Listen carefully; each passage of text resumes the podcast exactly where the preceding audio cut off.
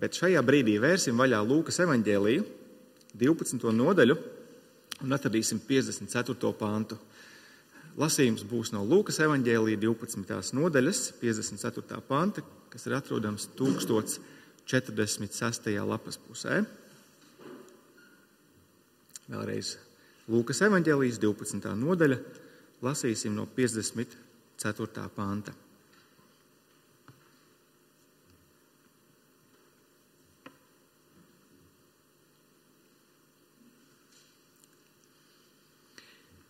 Un Jēzus sacīja ļaužu pūlim, kad jūs rietumos redzat paceļamies mākoni, jūs tūlīt sakāt, lietus tojās.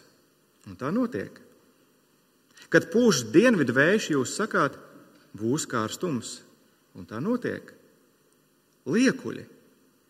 Zemes un debesu izskatu jūs protat pazīt, bet kādēļ jūs nepazīstat šo laiku?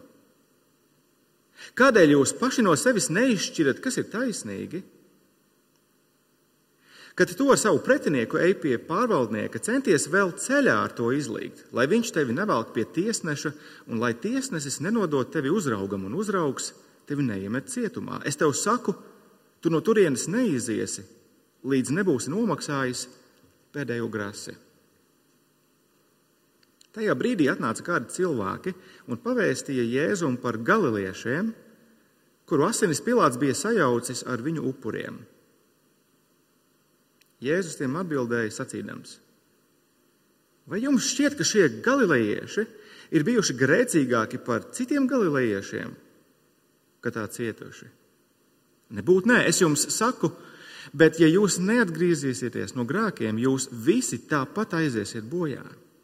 Ja vai jums šķiet, ka tie 18, kuriem uzkrita tornis Silomā un tos nosita, bija to pelnījuši vairāk nekā citi Jeruzalemē?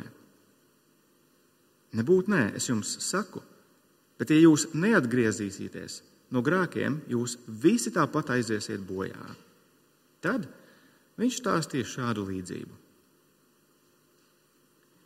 Kādam cilvēkam bija vīģes koks, stādīts viņa vīna dārzā, un viņš nāca un meklēja tajā augļus, bet neatrada. Un viņš sacīja dārza kopējiem, redzi, jau trīs gadus es te nāku cerībā atrast augļus šajā vīģes kokā, bet neatrodu. Nocērt to. Ko tas velti izsūdz zemi?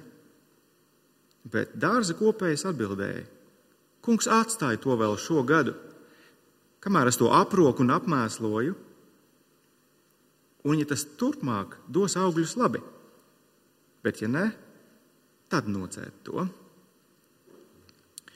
Tas ir kunga vārds. Pirms mēs to pārdomājam, vairāk vienosimies vēl īsā kopīgā lūkšanā.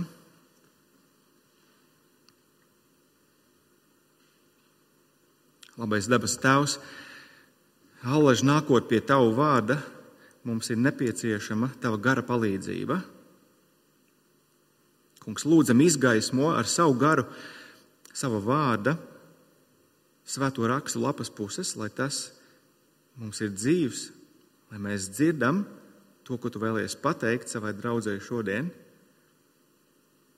Kungs, īpaši domājot par vārdiem, kas var būt grūti pieņemami, mēs lūdzam, mīkstina mūsu sirdis, lai tavam vārdam ir auglīga vieta tajās un tas nes augļus tavam godam, un palīdzi Tēvs man skaidri un uzticami Tavu vārdu mums šodien uh, pasludināt. Jēzus vārdā mēs to lūdzam. Āmen!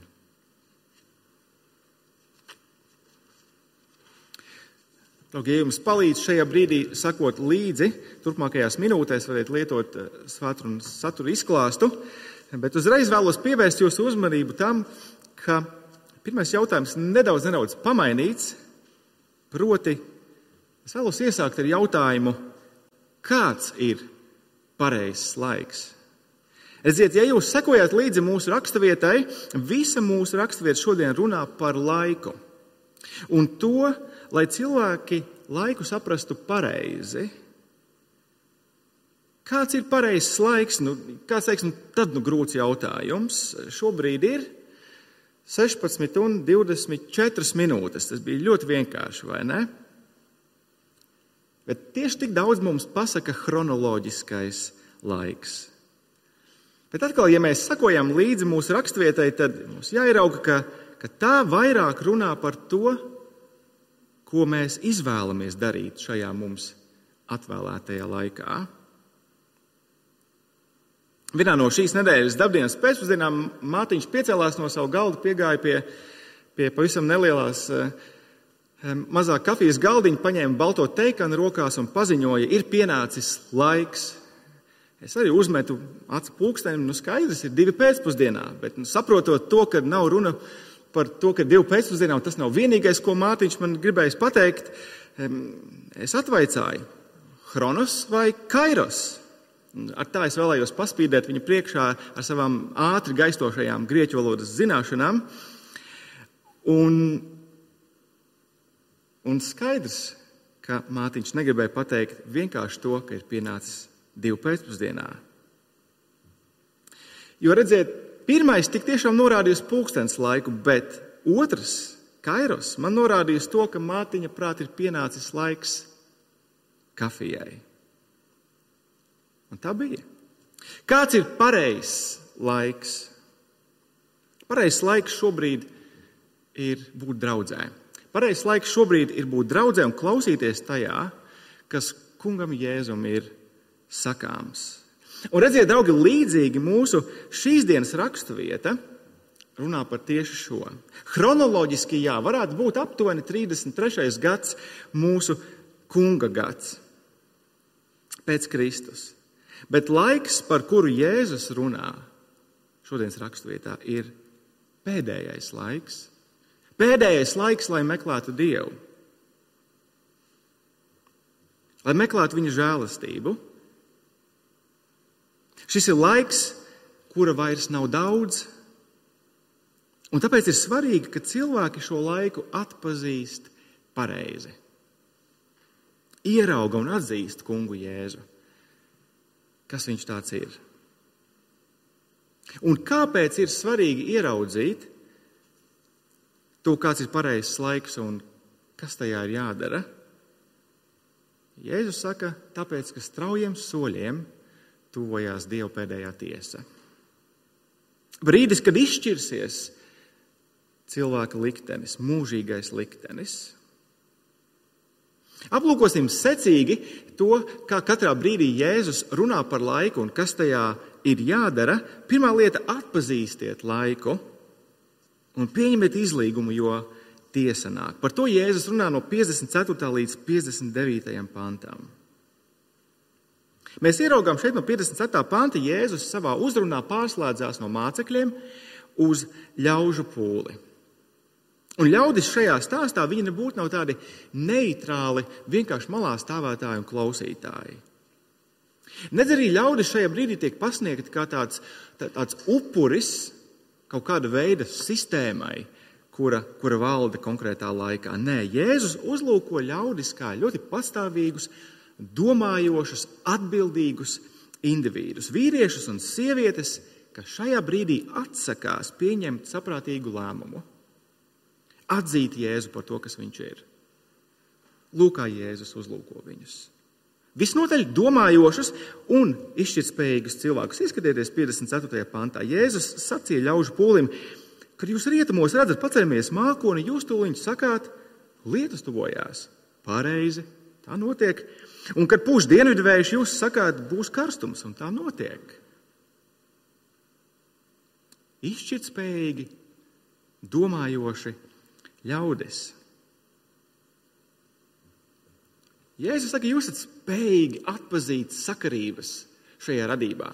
Visos dabas procesos. Tumšs padebesis no vidusjūras, no rietumu piekrastes atnesīs uh, lietu. Jā, vējš no, no dienvidiem, no Arābijas tūkstneša skaidrs, ka tas atnesīs karstumu. Jūs savalkat divi plus divi kopā - malači. Bet tad nākamais, ko Jēzus saka, nav vismalači. Jēzus saka, liekuļi.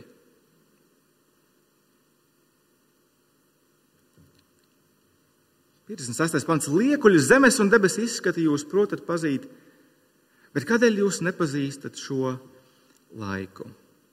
Kādēļ jūs paši no sevis neizšķirat, kas ir taisnīgi? Acīm redzot, Jēzus šeit runājot uz plašāku ļaužu pūli, pasaka vienu lietu. Nav runa par to, ka jūs nespējat atpazīt to, kas es esmu. Ne? Jēzus pasaka kaut ko citu, jūs īstenībā nevēlaties to izdarīt. Jūs nevēlaties atpazīt to, kas es esmu. Un uh, apzināsimies, ka nav, šis nav pirmais brīdis, ne, kad mēs sastopamies ar plašāku ļaužu pūli mūsu Lūkas evanģēlijā. Ja jūs pašķirtat burtiski ar pirkstu vienu uh, nodaļu vai lapas pusi atpakaļ, tur 11. nodaļā, 16. pantā, mēs jau ieraugām Jēzus sastapšanos ar ļaužu pūli. Tie viņu izaicinādami prasīja, nu, parādi mums vēl kādu zīmi. Parādi mums vēl kādu zīmi, lai mēs tagad tiešām atzītu, kas tu tāds esi. Vai tur 29. pantā Jēzus paša diagnoze pūlim. Šī paudze ir samaitāta paudze. Tā meklēs zīmi, bet atcerieties, ko Jēzus teica. Nekāda cita zīme, kā Jonas zīme, tai netiks dota. Proti, sprieduma, Dieva sprieduma pasludināšana.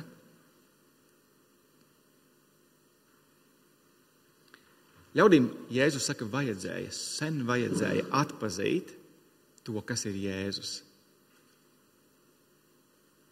Ja jūs atsauktu prātā atmiņā vēl pirms dažām nodaļām, tur septītajā nodaļā pats Jānis Kristītājs sūtīja savus mācekļus, lai Jēzum prasītu, vai tu esi tas, vai tu esi tas, uz ko mums gaidīt. Un ieklausieties, ko Jēzus atbildēja Jāņa mācekļiem. Aklie redz, tizlie iet, spitālīga top šķīstīti, kur liet dzird, miroņi ceļās augšām, Un nabagiem sludina prieka vēsti, protams, ka es esmu tas, kas nāk, kas jums ir jāgaida. Un mūsu raksturvietā Jēzus grib pateikt vēlreiz, ja visam ļaužu pūlim jums sen bija jāatpazīst, kas es esmu.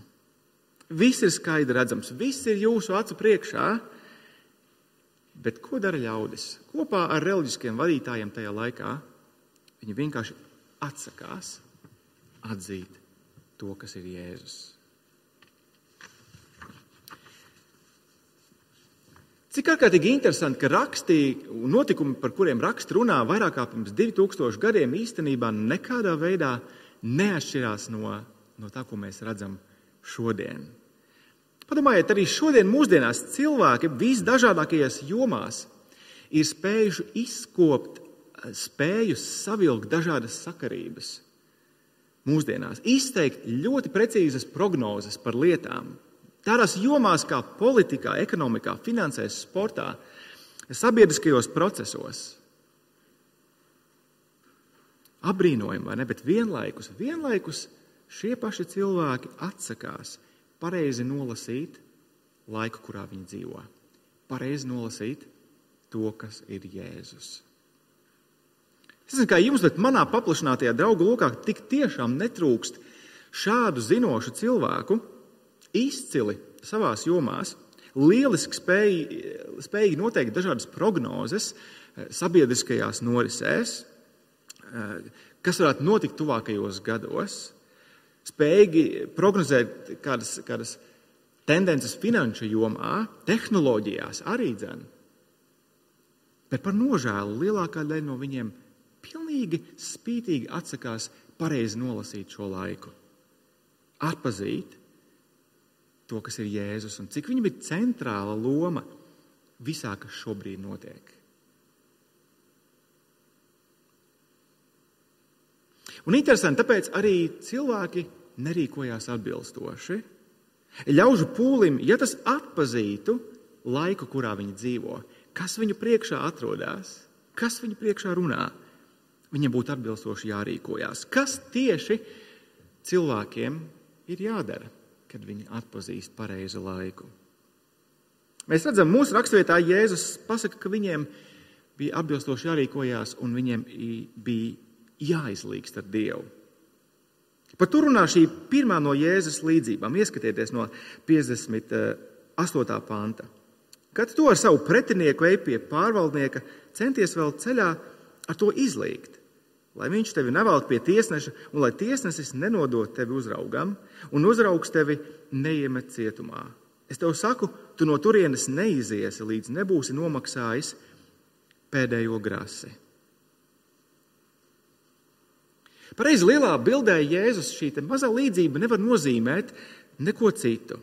Visa mūsu raksturvieta runā par to, ka, ka Dieva tiesa tuvojās, neizbēgami tuvojās, un tajā tiks pazudināti visi tie, kas neticēs, kas noraidīs Jēzu.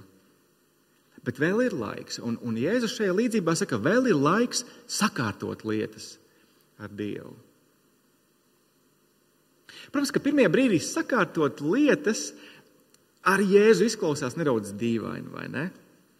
Ko gan cilvēks tādu varētu izdarīt, lai izpirktu savu vainu?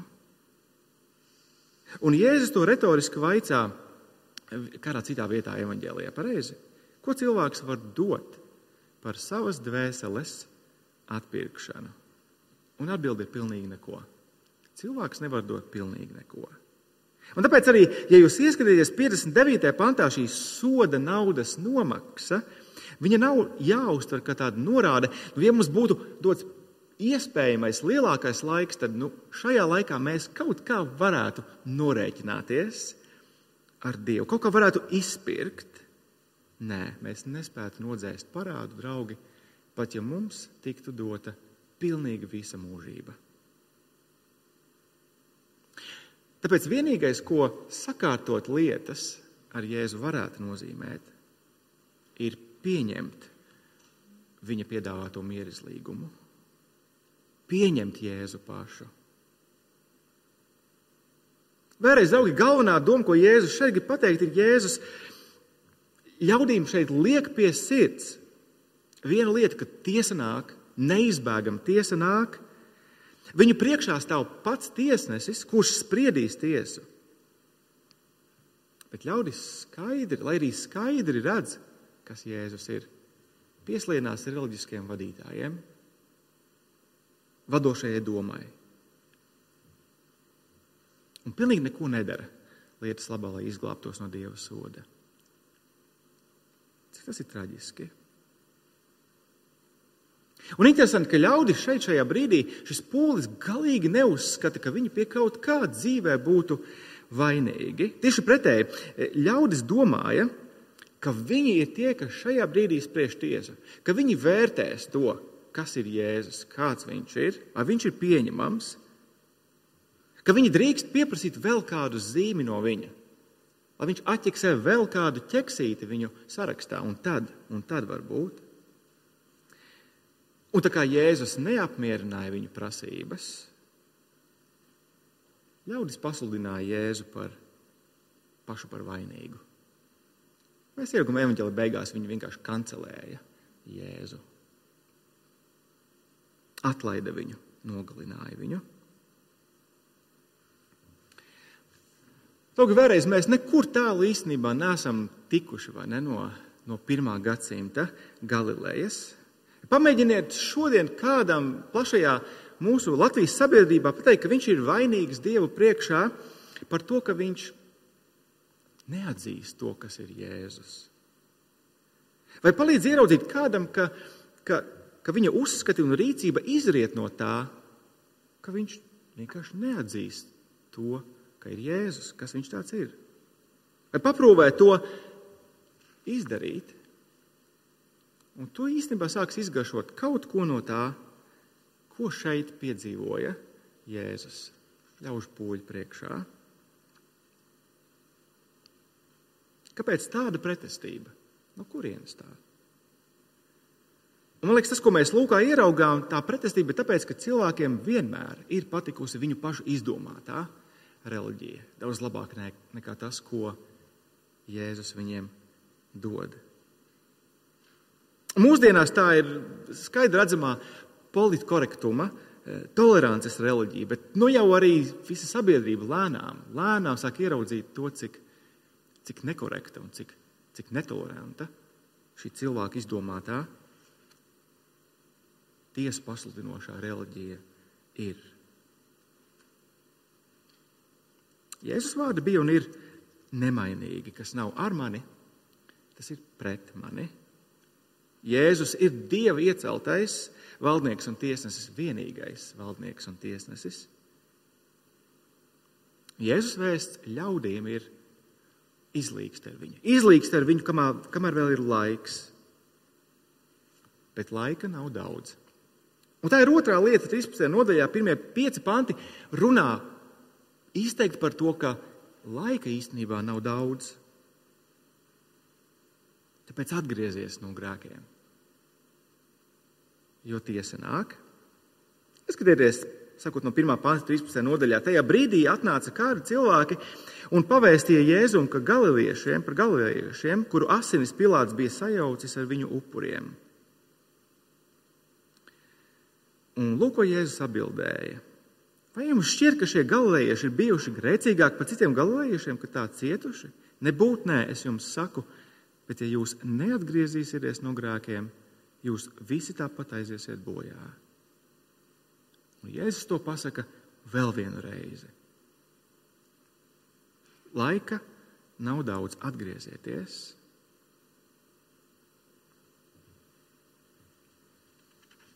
Pareiza laiku zīme nolasīšana, tā ir Jēzus saka, jāved uz atgriešanos no grēkiem. Tajā brīdī, kad cilvēks atzīst to, kas Jēzus ir, viņam ir jā, jāpagriež muguri, jānovēršās no savas vecās dzīves, un viņam ir jāpievēršās Jēzum. Jēzus divreiz saka, ja jūs neatgriezīsieties no grēkiem, jūs visi aiziesiet tāpat bojā. Īsumā mums ir jāsaprot šeit ļoti lielos vilcienos, ko Jēzus īsti domā ar grēku. Grēks tāpat kā vaina iepriekšējā raksturvietā, gluži vienkārši ir, ir Jēzus noraidīšana. Cilvēki šauj pilnīgi garām mērķim, nepieņemot Jēzus risinājumu viņa lielākajai problēmai. Un cilvēka lielākā problēma ir ir Dieva taisnīgās dusmas, kas atklāsies tik spēcīgi tiesas dienā. Kāpēc cilvēki to noraida? Kāpēc cilvēki nepieņem Jēzu? Šie Jēzus vārdi atklāja, ka tas ir tāpēc, ka cilvēki īstenībā jūtās relatīvā drošībā šajā laikā. Es domāju, ka tieši tas notiek šajos eh, pirmajos piecos pantos, 13. nodaļā. Cilvēki domāja, ka tāpēc, ka ar viņiem nenotiek nekas ļauns, ar viņiem viss ir kārtībā. Garīgi. Kamēr mēs vien neesam krituši eh, Pilāta eh, nežēlastībā, ar mums viss ir kārtībā. Kamēr, kamēr vien ar mums nav notikusi kaut kāda nelaime vai ar mūsu ģimeni, kamēr mēs visi esam veseli, ar mums viss ir labi. Un Jēzus saka, nekā tam līdzīga. Esiet uzmanīgi. Tā ir viltus drošības sajūta. Vienīgā drošie, drošā vieta ir pie manis. Ja jūs neatgriezīsieties no grēkiem pie manis, jūs aiziesiet bojā. Bet šādi ar ļaudīm runājot, Mums ir jāierauga, ka Jēzus tāpat laikā ļoti labi saprot, izprot visu cilvēku situāciju un ciešanas šajā pasaulē. Tā saucamās dabiskās katastrofas, kas ir pirmajā pantā. Es atvainojos, tās nav pirmajā pantā, tās ir eh, ceturtajā pantā. Un Jēzus izprot arī cilvēku ļaunumu šajā pasaulē, kas ir, kas ir pirmajā pantā. Un ziniet, kas ir pārsteidzoši visā, visā šajā? Tas, ka Dievs Kristu Jēzū nāk no godības, no pilnības uz šo, uz šo, uz šo salauzto pasauli, kas tik tālu no godības, tik tālu no pilnības, un esot šajā pasaulē, Dievs, kas ir kļuvis par cilvēku, piedzīvo šīs pasaules un, un cilvēku ļaunumu tajā. Mēs to, mēs to redzam visu caur evaņģēliem. Pareizi, Jēzus nostājās līdzās, viņš, viņš raud kopā ar, ar Lācera ģimeni, ar Lācera māsām. Jēzus mudināja pēc tam eh, citā brīdī apakstuli Pēteri likt atpakaļ zobenu, kur tas bija iepriekš, nevairot ļaunumu šajā pasaulē. Jēzus ļoti labi pazīst cilvēku situācijas.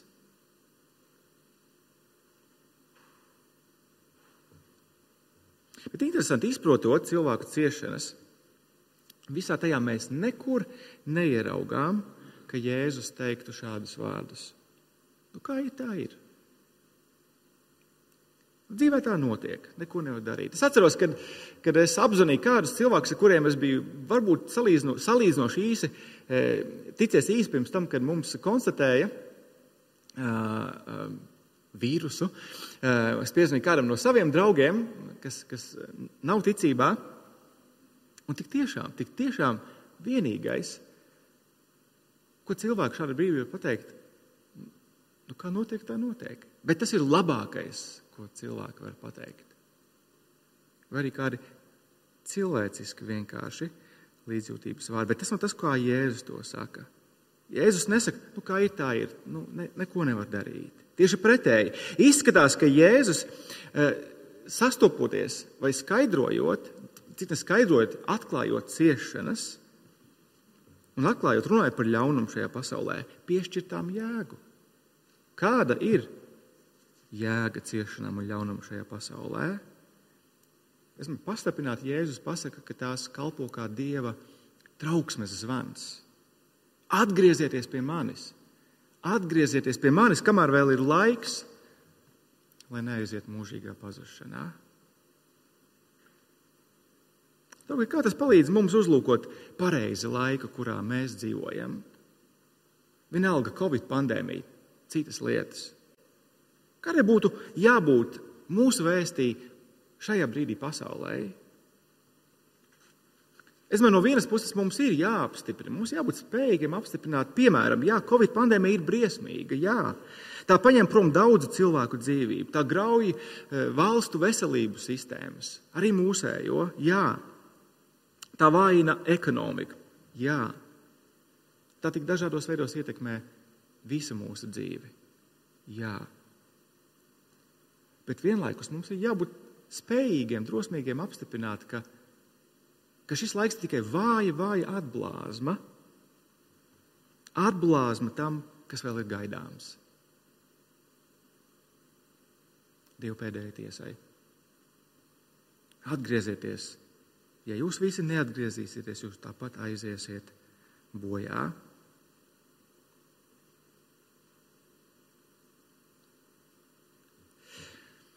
Rīzēn mums, kas mēs, mēs saprotam to, ka Dievs valda, ka Viņš valda pat cauri ciešanām, ka Viņš valda cauri cilvēku ļaunumam šajā pasaulē.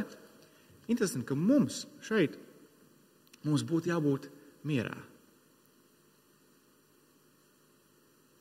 Īstenībā mums jābūt mierā arī šajā ziņā, ka mēs varam nebaidīties runāt, turpināt runāt patiesību, kas ir Jēzu. Mēs varam nebaidīties runāt to pat par spīti tam, ka mums varētu draudēt kancelēšana vai atlaišana šajās dienās. Īstenībā mēs nevien varam, mums ir pienākums to darīt, runāt patiesību. Jo draugi, to turpina darīt mūsu brāļi un māsas visā pasaulē, piedzīvojot nesamērīgi lielākas ciešanas un vajāšanas. Mēs kā reiz šajā nedēļā runājām par to, ka brāļiem un māsām Nigērijā par, par Jēzus apliecināšanu, par patiesības apliecināšanu tiek nodedzinātas mājas pilnībā, viņu īpašumi tiek nodedzināti. Vai viņam ir bail? Protams, ka viņiem ir bail, bet viņi turpina runāt, un mēs lūdzam par to, lai viņi turpina pastāvēt ticībā. Kāpēc ir tik svarīgi, ka cilvēki izprot laiku, kurā tie dzīvo? Taug vienkārši, lai pareizi atsauktos Jēzum, lai izlīgtu ar viņu, kamēr vēl ir laiks.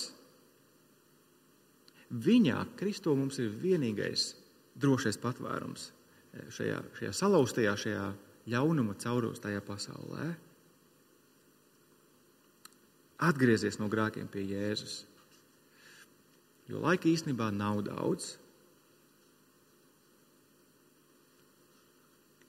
Bet, bet ir vēl nedaudz laika. Man liekas, tā ir tā trešā lieta, ko Jēzus pasaka, lai arī pēdējais laiks tuvojās, lai arī laika nav daudz un neatliekamības sajūtai būtu jāvairojās, ir vēl šis nelielais žēlastības lokus. Šī, šī otrā Jēzus līdzība, šis, šis vēl viens gads, ir vēl šis viens gads, kurā mainīt savas domas par to, kas ir Jēzus. Pēdējais laiks. Ieskatieties, no 6. pānta. Tad Jēzus stāstīja šādu līdzību. Kādam cilvēkam bija vīģes koks, stādīts viņa vīna dārzā, un viņš nāca un meklēja tajā augļus, bet neatrada. Un viņš sacīja dārza kopējiem, redzi, jau trīs gadus es te nāku cerībā atrast augļus šajā vīģes kokā, bet neatrodu. Nocērt to. Ko tas vēl izsūdz zemi? Bet dārza kopējs atbildēja, kungs, nu atstāj to vēl šo gadu, kamēr es to apkopu, aproku un apmēsloju. Un, ja tas turpmāk dos augļus, labi, bet ja ne, tad nocērt to. Vēlreiz, draugi, Jēzus stāstot šo gribu, lai cilvēki zina, ka, lai arī nav daudz laika, ir vēl, ir vēl šis mazais, mazais eh, žēlstības lokus, kurā atspīd dieva nepelnītā labvēlība tiem, kas, kas tveras pie Jēzus. Un kas šis, kad šis laiks būs iztecējis? Jā, tad nāks Dieva tiesa.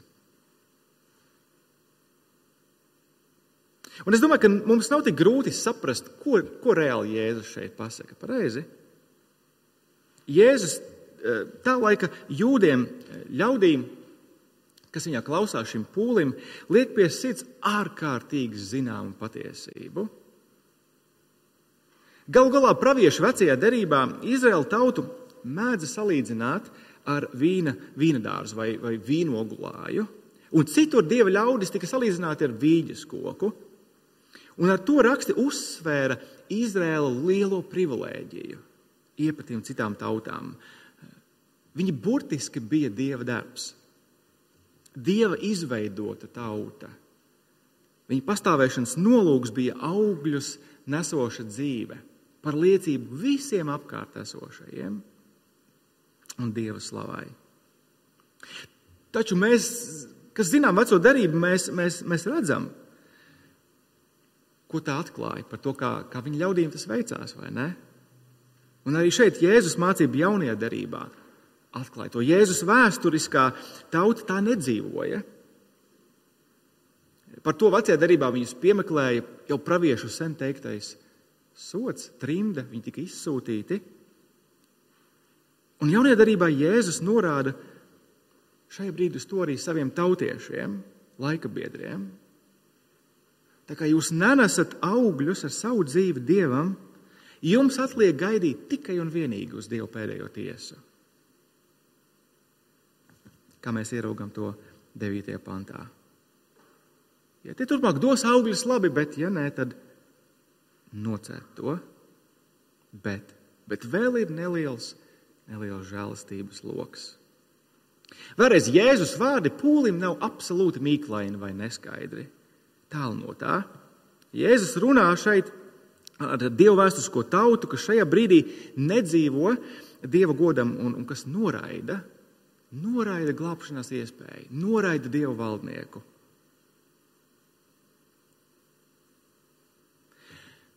Man liekas, tas grūtākais varbūt nedaudz šajā brīdī, kā šie vārdi attiecās uz mums. Man liekas, ka raksta lielos vilcienos ļauj mums novilkt paralēles starp divu derības ļaudīm, Izraēlu vecajā derībā un draugu šodien. Mēs ka dieva, dieva derības ļaudīm vecajā derībā un dieva derības ļaudīm jaunajā derībā bija, mēs bijām ļoti līdzīgās situācijās. Mēs daudz ko varam mācīties par to, kāds ir Dievs, kā viņš attiecās pret saviem ļaudīm, skatoties uz Izraēlu vecajā derībā. Bet man liekas, tajā pašā laikā nav tik vienkārši. Sevišķi nav tik vienkārši attiecībā uz to, ko Jēzus saka ļaudīm šeit. Kāpēc nav tik vienkārši? Tāpēc, ka, manuprāt, evanģēlīja atspoguļo ļoti specifisku laika posmu dieva glābšanas vēsturē. Eziet, Jēzus no vienas puses viņš nāk, nāk pie un viņš runā ar dieva vēsturisko tautu. Un no otras puses, draudzene, draudze, jaunās derības, derības ļaudis, vēl nav dzimusi. Draudzene vēl nav dzimusi. Mēs vēl neesam pie vasaras svētku notikuma. Ko es gribu ar to pateikt? Man liekas, kad runājot par pielietojumu, mums ir svarīgi ieraudzīt, ļoti svarīgi ieraudzīt, kur mēs īsti atrodamies. Un daudz šajā gadījumā draudzene manuprāt, nav pielīdzināma pūlim mūsu raksturvietā. Iespējams, ka, ka, ka jūs klausījāties šo, šos Jēzus vārdus, visu laiku garumā es domāju, tā ārprāts. Nu, nu skaidrs, nu, ar, ar, ar, manīm, ar manīm īsti nav labi. Es, es, es arī iekrītu šajā, šajā kategorijā. Tiešām tiesa nāk, vai es esmu sakārtojis savas lietas ar Jēzu. Bet, draugi, es šeit brīdī gribu iedošināt visus mūsu vēlreiz ka mēs neesam gluži šis pūlis. Šis pūlis, kurš, kurš netic Jēzum, šis pūlis, kurš ienīst Jēzu, šis pūlis, kurš, kurš labprāt prasītu vēl kādu zīmi no Jēzus, lai atķeksētu savu sarakstu, kura, kura galā izdarīt spriedumu, ka tu īstenībā man neesi vajadzīgs. Draugi, mēs neesam tur. Lai cik vēlreiz nepilnīgi arī mēs būtu savā kristiešu dzīvē, mēs, nu tā, mēs Mēs ticam Kristum, ka viņā ir patiesība, ka viņš ir mūsu glābējs un mūsu tiesnesis, mūsu grēku izpircējs, ka viņš nāks, lai taisnīgi tiesātu mums, bet mums nav jābaidās no viņa. Viņš mūs ir attaisnojis.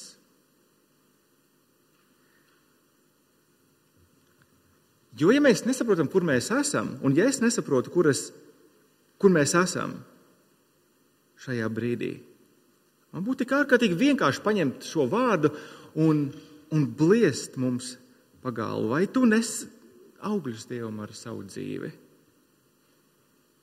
Vai tu tā dari? Ja tu nenes augļus Dievam ar savu dzīvi, tu tiksi nopļauts, nogriezts kā šis vīģes koks. Bet tas, tas nav tas, ko Jēzus saka. Gan mēs, es ticu, nesam, nesam kopā ar tiem, kas bļauj ļauj Jēzus sit viņu krustā. Vairs ne katrā ziņā. Tāpēc mums jāierauga, ka Jēzus, interesanti, Jēzus šeit runā izteikti uz neticīgo sabiedrību. Un varbūt tāpēc šīs raksturvietas lielais pārsteigums ir tajā, ka Dievs parāda šo, šo apbrīnojamo, nepelnīto labvēlību cilvēkiem, kas nemeklē glābšanu cilvēkiem, kas noraida Jēzu, cilvēkiem, kas vīpsnā par viņu, cilvēkiem, kas netic viņam, kas nemeklē viņu, kas negrib tapt izglābti, cik apbrīnojami tas ir. Ka Dievs cilvēkiem atvēl laiku. Vai, tu zini, kas ir pareizs? Kāds ir pareizs laiks? Ja tu zini, kāds ir pareizs laiks, labi. Jēzus saka, labi, 9. pantā. Tveries pie viņa, paļaujies uz viņu, labi, lai mies ar tevi. Bet, ja tu vēl nepazīsti, neatpazīsti šo laiku, par ko ir runa, tad zini, šis ir laiks, kad izlīgt ar Dievu. Kad izlīgt ar viņu Jēzus Kristus personā, pieņemot Jēzu, pieņemot viņa darbu viņa samaksa, par ko mēs pēc brīža domāsim. Tas nozīmē atgriezties no grēkiem, tas nozīmē pagriezt muguru savai vecajai dzīvei, visu, kas ar to saistās, un pievērsties viņam, izmainīt domas par to, kas viņš ir. Viņš ir valdnieks, viņš ir tiesnesis, viņš ir glābējs. Vēlreiz, un kāpēc tas ir svarīgi? Tāpēc, ka Dieva tiesa nepielūdzami nāk tā, tuvojās, laika nav daudz, bet bet ir vēl pavisam, pavisam nedaudz. Lūksim.